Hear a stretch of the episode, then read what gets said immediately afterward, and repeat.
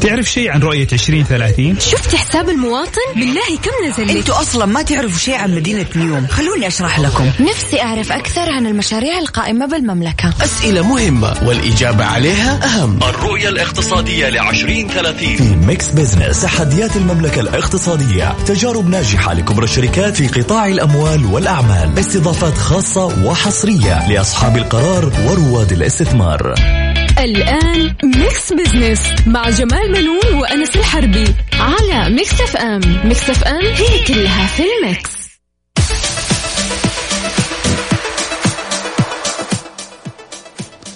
أهلا ومرحبا بكم مستمعينا أنا جمال بنون أحييكم من Mix FM وبرنامج Mix Business أرحب بزميلي أنس الحربي الذي يشاركنا التقديم.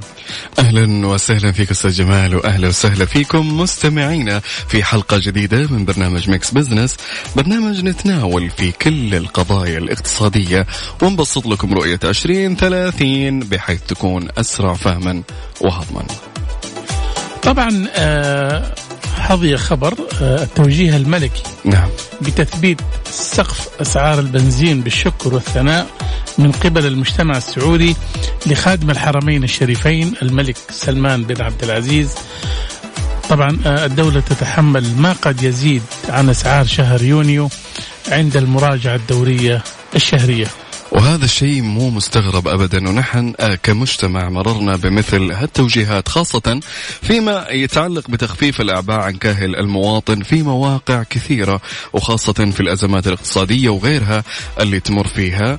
أو يمر فيها العالم ولعلها أقربها أستاذ جمال جائحة كورونا. صحيح آه كمان أنس لا تنسى طبعا كانت الأسعار آه قبل التوجيه الملكي نعم. متجهة للارتفاع طبعا آه من قبل اللجنة التنفيذية آه طبعا. آه، كانت الأسعار بشكل يعني آه، متواكبة مع الأسعار العالمية طبعا. نعم. ومتجهة للارتفاع من قبل اللجنة التنفيذية لحوكمه تعديل أسعار منتجات الطاقة والمياه في السعودية. وهذا مؤشر عالمي طبعا. آه، حدث في الكثير من الدول والتوجيه الملكي بتثبيت الأسعار هي أحد معالجات المعالجات طبعا للحد من التضخم اللي تشهده آه، طبعا آه، الكثير من دول العالم. واعلنت اللجنة التنفيذية لحوكمة تعديل أسعار منتجات الطاقة والمياه في السعودية أن تكون أسعار البنزين لشهر آه، يونيو. طبعا آه، بنزين آه، 91 ريالين و18 هللة وبنزين آه، 95 ريالين 33 هللة. نعم. وهذا هي السقف أو سقف السعر المحلي للبنزين اعتبارا من 10 يوليو 2021 يعني أستاذ جمال من أمس بدأ سريان تثبيت السعر بنفس سعر الشهر الماضي ونتمنى أو نبغى نحس بقطاع أو دور القطاع الخاص في تثبيت اسعار السلع الاستهلاكية أو تخفيضها اللي قاعدة تشهد ارتفاع خاصة في مجال الأغذية والعصائر والمشروبات والسلع الاستهلاكية وغيرها. طبعا أنت لاحظت في الأيام الماضية آه، كردة فعل من بعض آه، المستهلكين أمم. إنهم بدأوا يقاطعوا بعض المنتجات الألبان وبعض العصائر نعم. لأن الشركات هذه رفعت الأسعار آه، بشكل يعني آه، غير طبيعي. وأظن يعني مو مبرر يعني. وغير مبرر. نعم. وكمان إحنا لاحظنا الحقيقة في يعني في نشرة ال- التقارير الاقتصادية للشركات هذه شفنا إنه آه، أرباحها تراجعت في أها. الأش- الأشهر الأخيرة يعني. فبلاش ترفعوا الأسعار وتخسروا زباينكم يعني. من جد. طيب أستاذ جمال نأخذ فاصل. مستمعينا فاصل آه، صغيرون كذا وراجعين. خليكم ويانا مستمرين معاكم في فقرات البرنامج في Mix Business.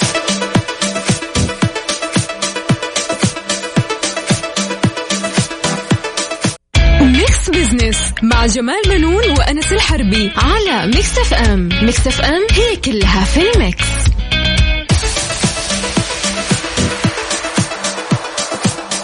مستمرين معاكم في Mix Business وهلا وسهلا فيكم. عندنا فقرات البرنامج يا جماعة الخير. كالعادة عندنا فقرة على السريع بنستعرض لكم أبرز الأحداث والأخبار الاقتصادية وندردش على بعض منها. وعندنا فقرة حسبة ونسبة التساؤل المطروح على at Mix FM Radio حساب الإذاعة في تويتر at Mix FM Radio. روحوا على تويتر واقروا التساؤل وشوفوا إيش بتحطون يعني.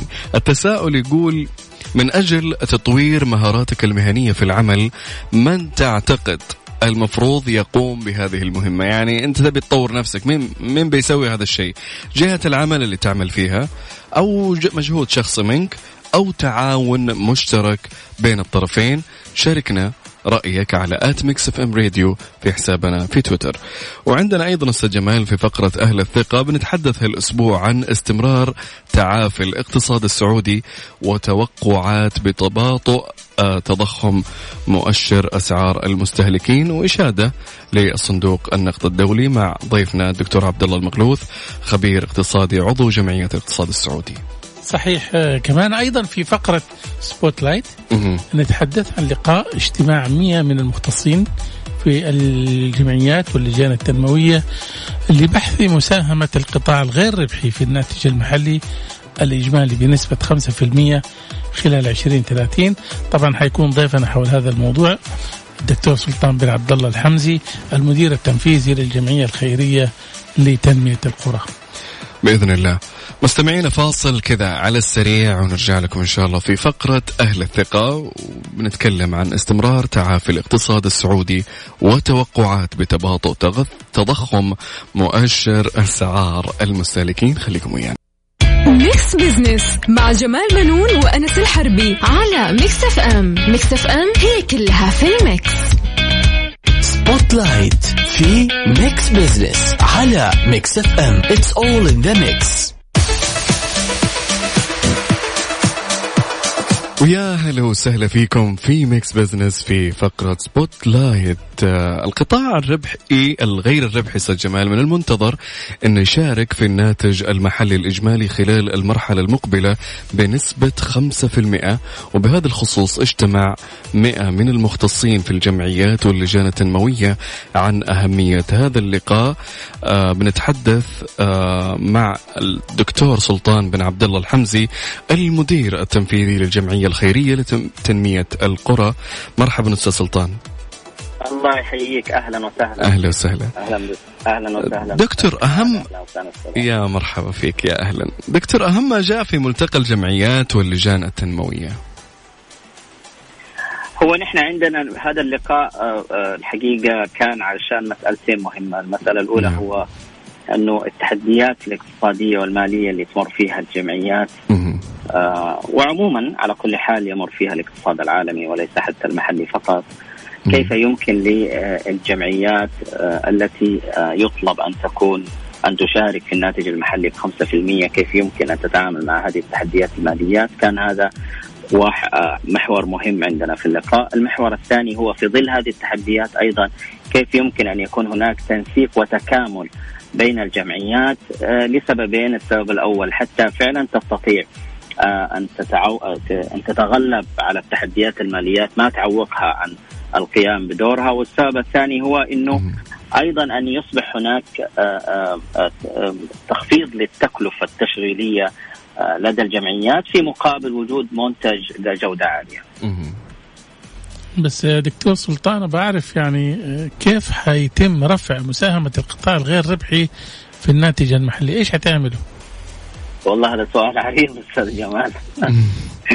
خاصة في في وضع آه، اقتصادي كهذا.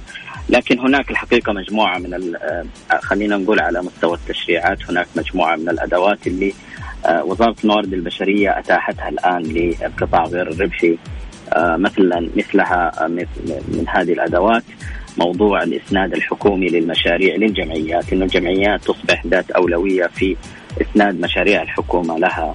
طبعا متى ما كانت جاهزة لذلك واحد من الأدوات أيضا هو السماح للجمعيات بانها هي يكون لها استثماراتها المستقلة بحيث إنها تحاول تغطي آه، آه، آه، إيراداتها للتشغيل من خلال الاستدامة المالية عن طريق تأسيسها للشركات شركات الاستثمار الاجتماعي.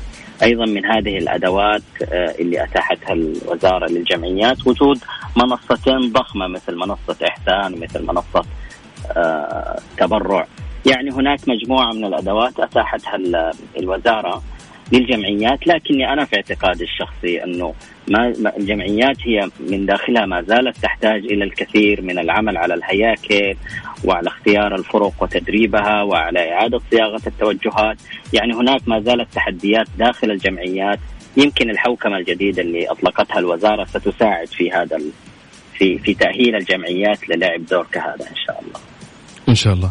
طيب دكتور في رأيك هل بالفعل الجمعيات تحتاج إلى تخصيص لأعمالها التنموية؟ هو التخصيص على مستوى الجمعيات أطلق تقريبا من سنتين. آه الوزارة لديها 150 تصنيف. هذا التصنيف هو تخصيص عام وتخصيص دقيق. يعني عندنا مجال كالصحة الآن داخله جمعيات متخصصة. ستجد جمعيات جمعية عامة صحية مثل زمزم مثلا وستجد جمعية خاصة مثل آه، جمعية آه، جمعية أظن شفاء متخصصة فقط في إعطاء الأدوية نعم. في هذا المجال. ستجد جمعيات متخصصة في طب الأسنان جمعيات متخصصة في العيون والإبصار وما إلى ذلك. فهو موجود على مستوى التصنيف في الوزارة. التراخيص الجديدة كلها اللي أعطيت للجمعيات خلال السنتين فيما أعلم وأن أنها كلها تراخيص دقيقة لا يوجد تراخيص عامة. وهناك فترة سماح للجمعيات اللي إلى الآن ما وامت ما وامت طبيعتها مع مع مع التطور الجديد. هناك فترة سماح من أجل أن تعيد آه، النظر في في مستهدف آه، عفوا في توجهاتها من أجل أن تتواكب مع هذا التخصيص. آه، ما أعرف والله إلى متى هذا فترة السماح بس الذي أعرفه إنه ما طول بس أهم شيء يعني. والله هو هو تعرف إحنا نمر بنقلة كبيرة جدا على مستوى الإدارة على مستوى التشريع وعلى مستوى العمليات الإدارية. يعني المركز الوطني اليوم هو تصور جديد كليا على البلد. في إنه هو سيقوم بعمليات الإشراف الإداري والإشراف المالي وأيضا إدارة عمليات التنسيق والتكامل وما إلى ذلك.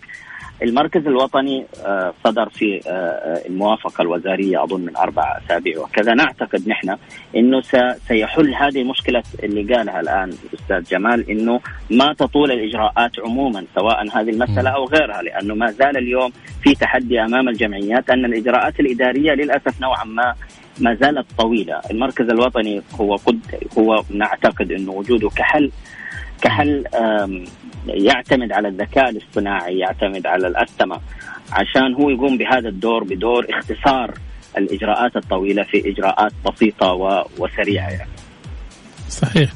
نأمل طبعا آه، أنه يلعب بالقطاع الغير ربحي دور فاعل آه، في خدمة المجتمع وتنوع برامجه التنموية.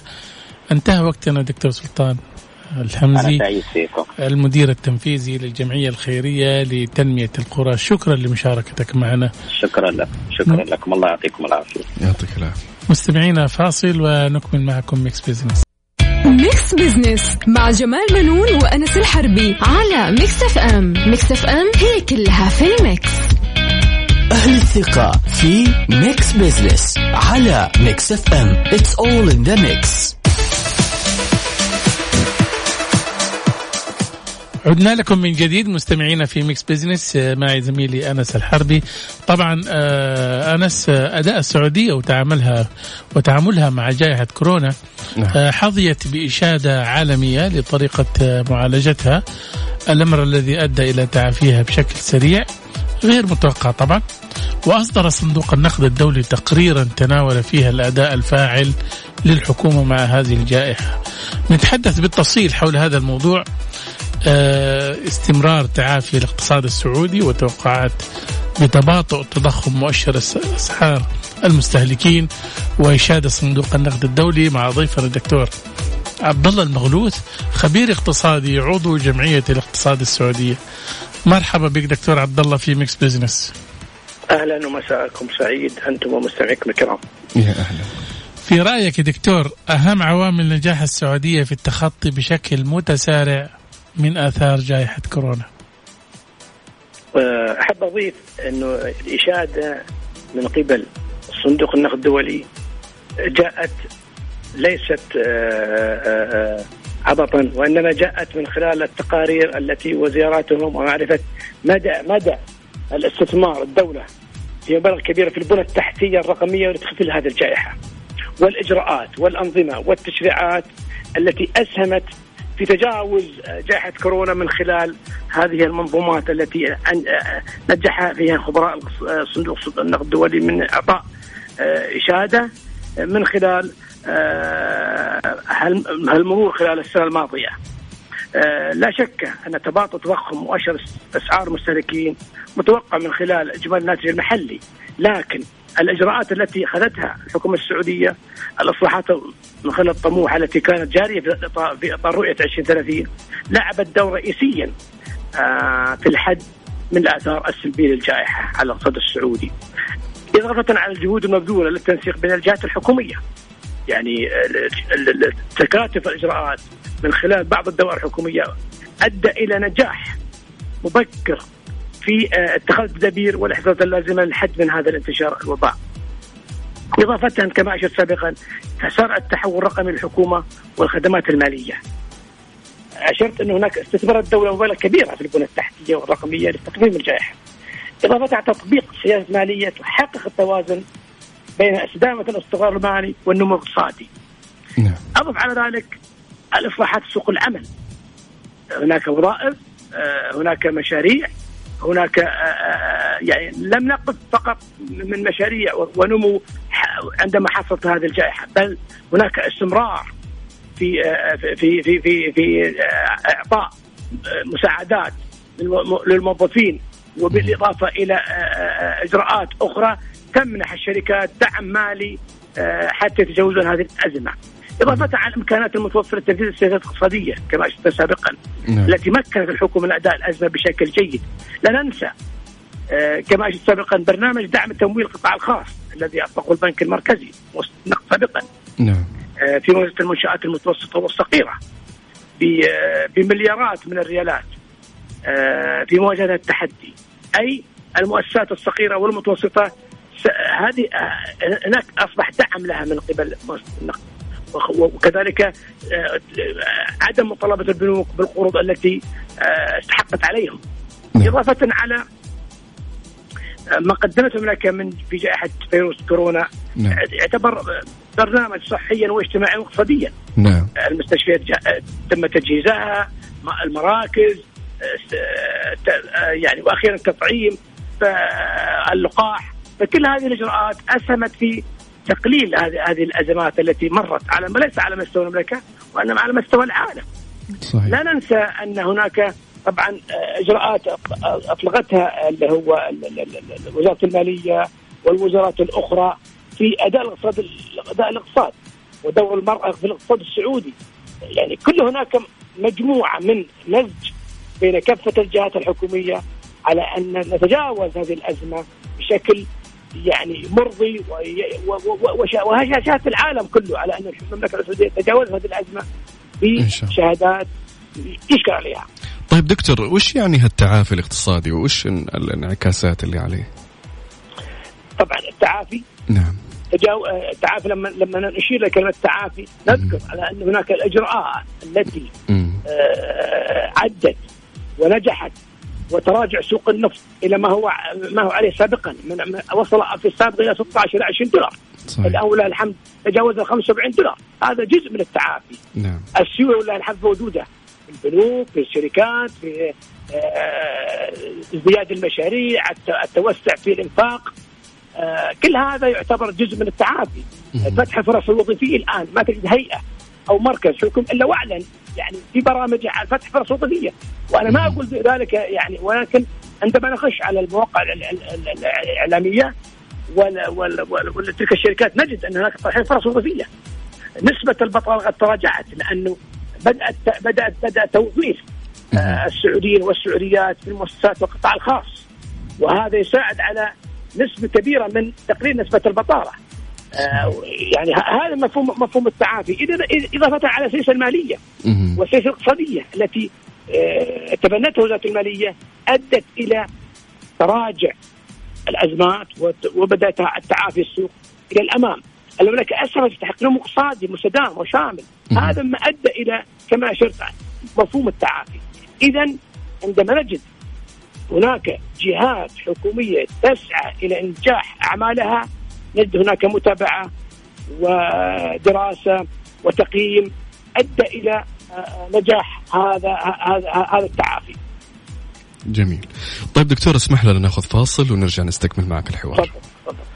مستمعينا فاصل قصير وراجعين نستكمل حوارنا مع الدكتور عبد الله المغلوث خبير اقتصادي وعضو جمعية الاقتصاد السعودية بنتكلم عن استمرار تعافي الاقتصاد السعودي وتوقعات بتباطؤ تضخم مؤشر أسعار المستهلكين وإشادة صندوق النقد الدولي خليكم ويانا. Mix Business مع جمال بنون وأنس الحربي على Mix FM، Mix FM هي كلها في ال Mix. أهل الثقة في Mix Business على Mix FM It's all in the mix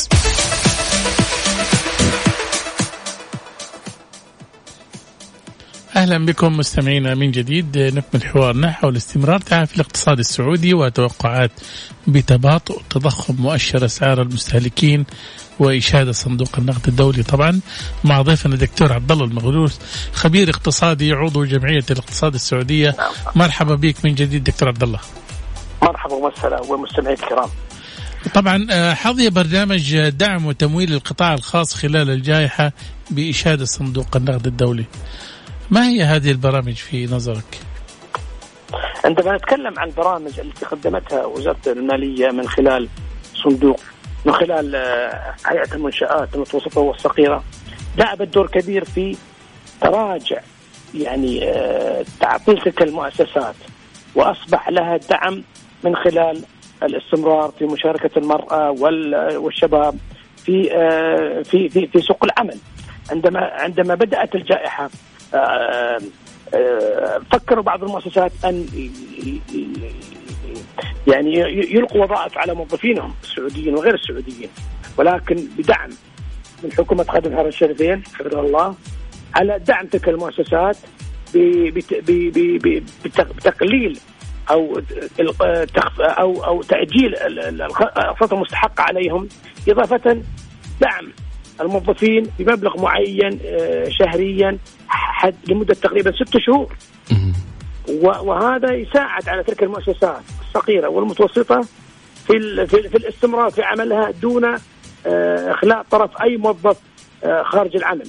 وهذا ما دعم السوق وجعل هناك السياسة الاقتصادية ناجحة بالإضافة إلى تمويل القطاع الخاص كما أشرت لك من خلال البنك المركزي السعودي في مساعدة المنشآت الصغيرة والمتوسطة في مواجهة تلك التحديات. نعم. وطبعا اشار أشار هذا التقرير على أن هناك يعني آه، دعم وأن هناك نسبة كبيرة قطت آه، هذه أكثر من مجموع ما مجموع ما تم دعمه أكثر من 150 مليار ريال. نعم. ليس بقليل هذا الرقم. نعم. ليس بقليل.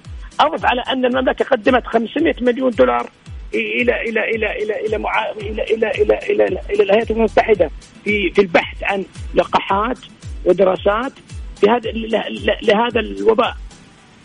اذا آه، كل هذه كل هذه العوامل جعلت هناك تعزيز بمفهوم التعافي ومفهوم نجاح المملكة في التصدي لهذه الجائحة. ولله الحمد الكل يشكره جميع الدول تشكر المملكة على هذه المنظومة وعلى هذا الإجراء الذي يعني يستشهد به.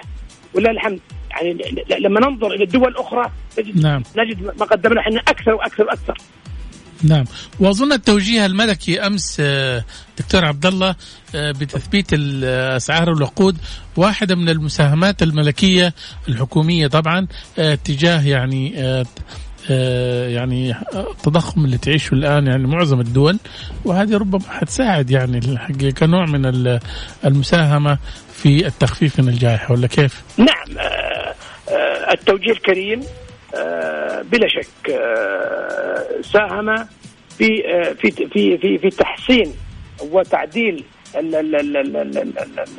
كل ما يحتاجه المواطن والمقيم. وبالتالي خفف من معاناتهم والزيادة اللي تطرأ مستقبلا سوف تتكفل فيها الدولة. هذا نعم. يعني تشكر به حكومة الرشيدة والقائمين عليها. على هذا على هذا على هذا التوجيه لا ننسى أن هناك عبء فعلا من الاسعار ولكن بهذا التوجيه الكريم طمأن آه، المواطن والمقيم أن هناك جهات دائما وابدا تسعى إلى آه، تخفيض المعاناة على على على على على, على ما ترتفع من اسعار تجاه أو نعم. ارتفاع في المواد. بالتأكيد آه، حينما تأتي الإشادة من منظمات عالمية هذا يعني إن نعم. الجهد المبذول يراه العالم. لهذا حصدت السعودية هذا النجاح. انتهى وقتنا دكتور عبد الله يعطيك ألف عافية. شكرا لمشاركتك. الله يسعدك. يعطيك الله مستمعينا كان معنا دكتور عبد الله المغلوث خبير اقتصادي عضو جمعية الاقتصاد السعودي. فاصل صغير ونرجع لكم في على السريع. خليكم ويانا.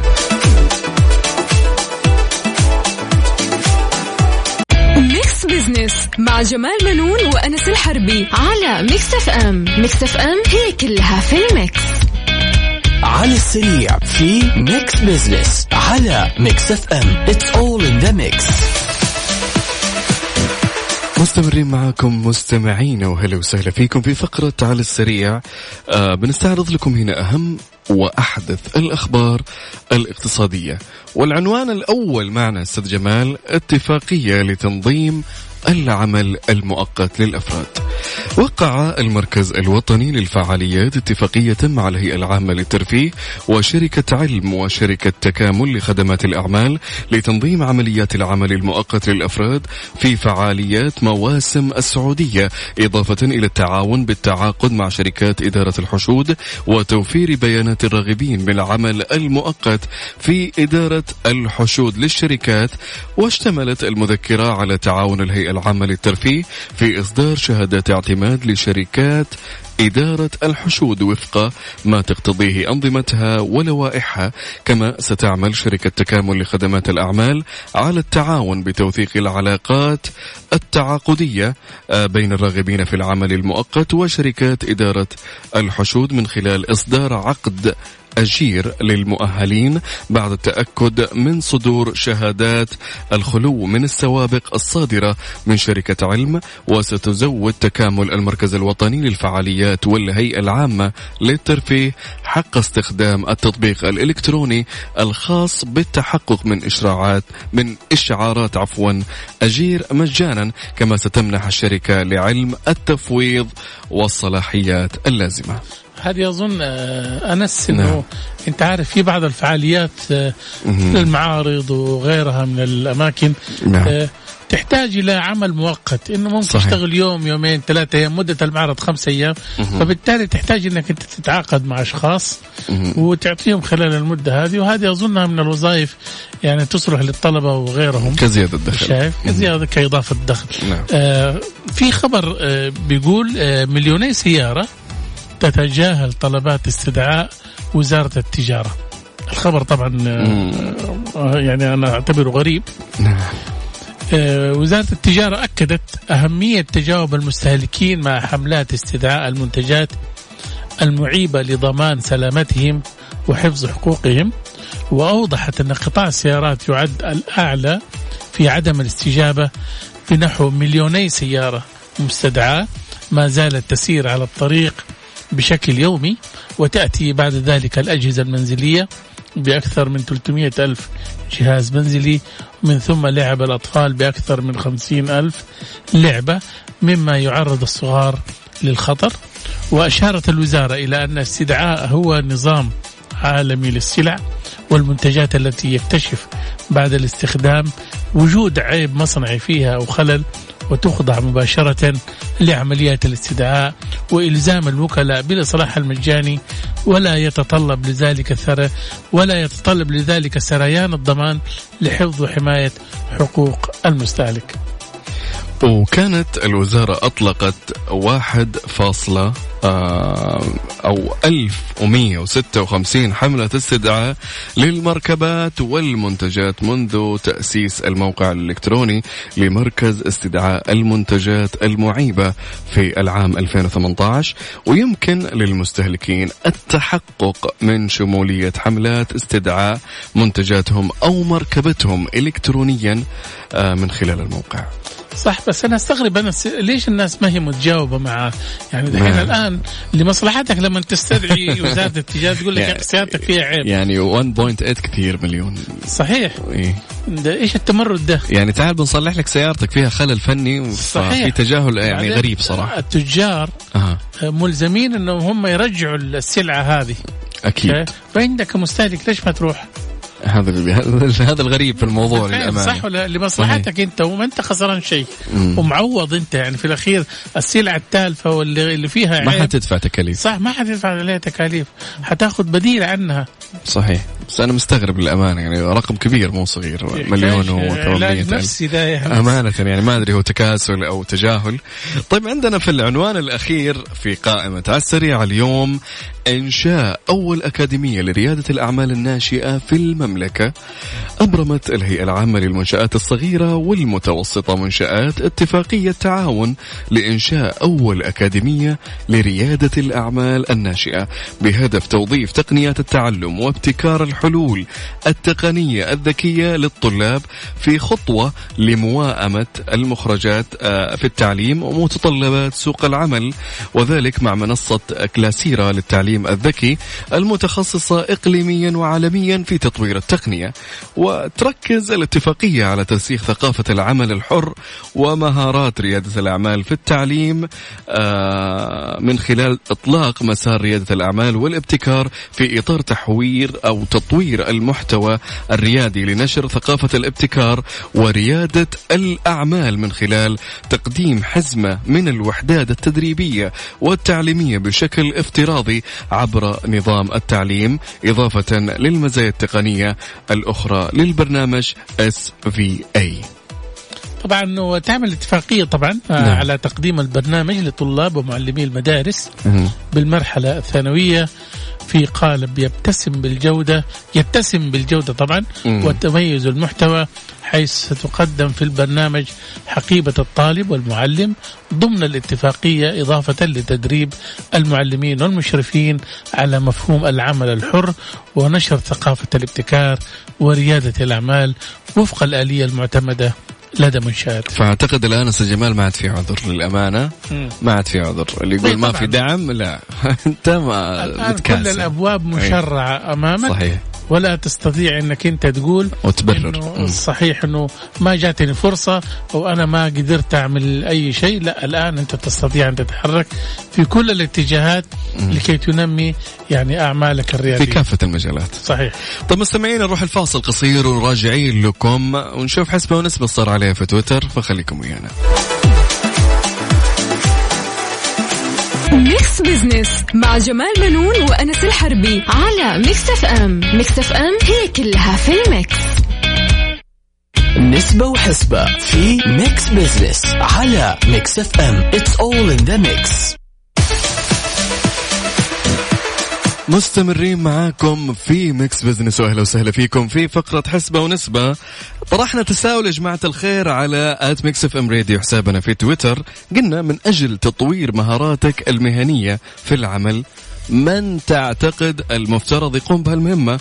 عندنا أستاذ جمال أعلى نسبة 65% تعاون مشترك بين الطرفين وأقل نسبة اللي هي 5% جهد شخصي وجاءت جهة العمل اللي هي من المفترض إنها يعني تطور مهاراتهم بنسبة 30%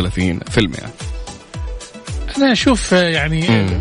فيما يتعلق يعني في مسألة التدريب خاصة في يعني في موقع العمل مهم. أشوف إنه يكون لازم يكون في تعاون ما بين ال- الموظف يس وأيضا الشركة نفسها ليش؟ لأنه في الأخير لأن الشركة عندها رؤية معينة مثلا بالفعل نعم. وعندها يعني سياسة معينة فيما يتعلق إذا كان في المبيعات أو. في, في الإنتاج وغيرها من يعني زي ما تقول سلاسل الإنتاج المتعلقة مهم. بالشركة فأظن يعني آه هذه أحسن طريقة في إنه يكون في تعاون صحيح وأنا حاب صراحة يعني إنه ال- الوعي صراحة لأن اللي النسبة الأعلى. كانت غير متوقعة للأمانة إيه. بس 65% تعاون مشترك فلا في في وعي كبير الآن في سوق العمل آه، من غالبية الناس وهذا شيء جدا محفز جدا حلو وكمان لا تنسى يا أنس إنه. ترى خطأ لما تعتمد لما تعتبر الشركة إنه هي تبى تجيب موظف جاهز لا انت كمان لازم تجهزه. لازم انت كمان مو تجهزه آه تعرفوا آليتك انت إيش رؤيتك لطموحك في الشركة إيش تبي توصل؟ عشان الموظف آه ما يعطى بس يشتغل زي الآلة آه مجرد روتين يومي يسويه لا يطور من نفسه آه يضبط وضعه في الشركة يرفع آه اسم الشركة أفضل من إنه يقعد على آه أجندة معينة ولا يعرف يسوي شيء. وتعطي ولاء للموظف أكيد. في للمكان اللي يشتغل فيه. صحيح. انت لما تدربه وتعلمه كمان. ممكن تبتعثه للخارج يعني نعم. يتخصص في مجالات معينة. تعطي له ولاء للشركة. وهذا كله يعود للشركة ولنجاح الشركة. وحيبدع طبعا في الأخير وحيكون إنتاجه عالي وربما يكون هذا نوع من الأمانة الوظيفيه أكيد طبعا. طيب يعطيك ألف عافية أستاذ جمال. يعطيكم ألف عافية مستمعينا. آه جدا أنا حفتقدكم للأمانة. آه آخر حلقة لي اليوم في Mix Business آه شكرا أستاذ جمال. شكرا على كل آه درس للأمانة أخذته واستفدت منك. إن شاء الله بإذن الله آه يعني مستمرين أكيد طبعا في Mix Business آه حيكون الزميل آه مازن إكرامي آه، في التقديم كمذيع متعاون مع الأستاذ جمال بنون. طبعا أنس أول شيء يعني محبيك حيفتقدوك خلال الأسابيع. المقبلة. أنت كنت علامة مضيئة الحقيقة للبرنامج. الله وأضفت لها شيء كثير آه، إن شاء الله أينما يكون موقعك الجديد بإذن الله حيكون التوفيق هو حليفك بإذن, بإذن الله. آه، وهذه آه، وما مسيرة نستغني عنك يعني أبدا يعني وهذه أبدا مسيرة الحياة نعم. دائما كلنا ننتقل من مكان لمكان شايف أكيد. بحثا عن الأفضل والأحسن إن شاء الله. أكيد. أتمنى لك التوفيق في حياتك. آمين يا رب وياك إن شاء الله. مستمعينا نشوفكم إن شاء الله بإذن الله الأحد المقبل بإذن واحد أحد في حلقة جديدة من Mix Business وموضوع جديد بإذن الله كالعادة وجميل وخفيف ولطيف. إلى هنا نشوفكم إن شاء الله الأسبوع الجاي. في أمان الله. في أمان الله.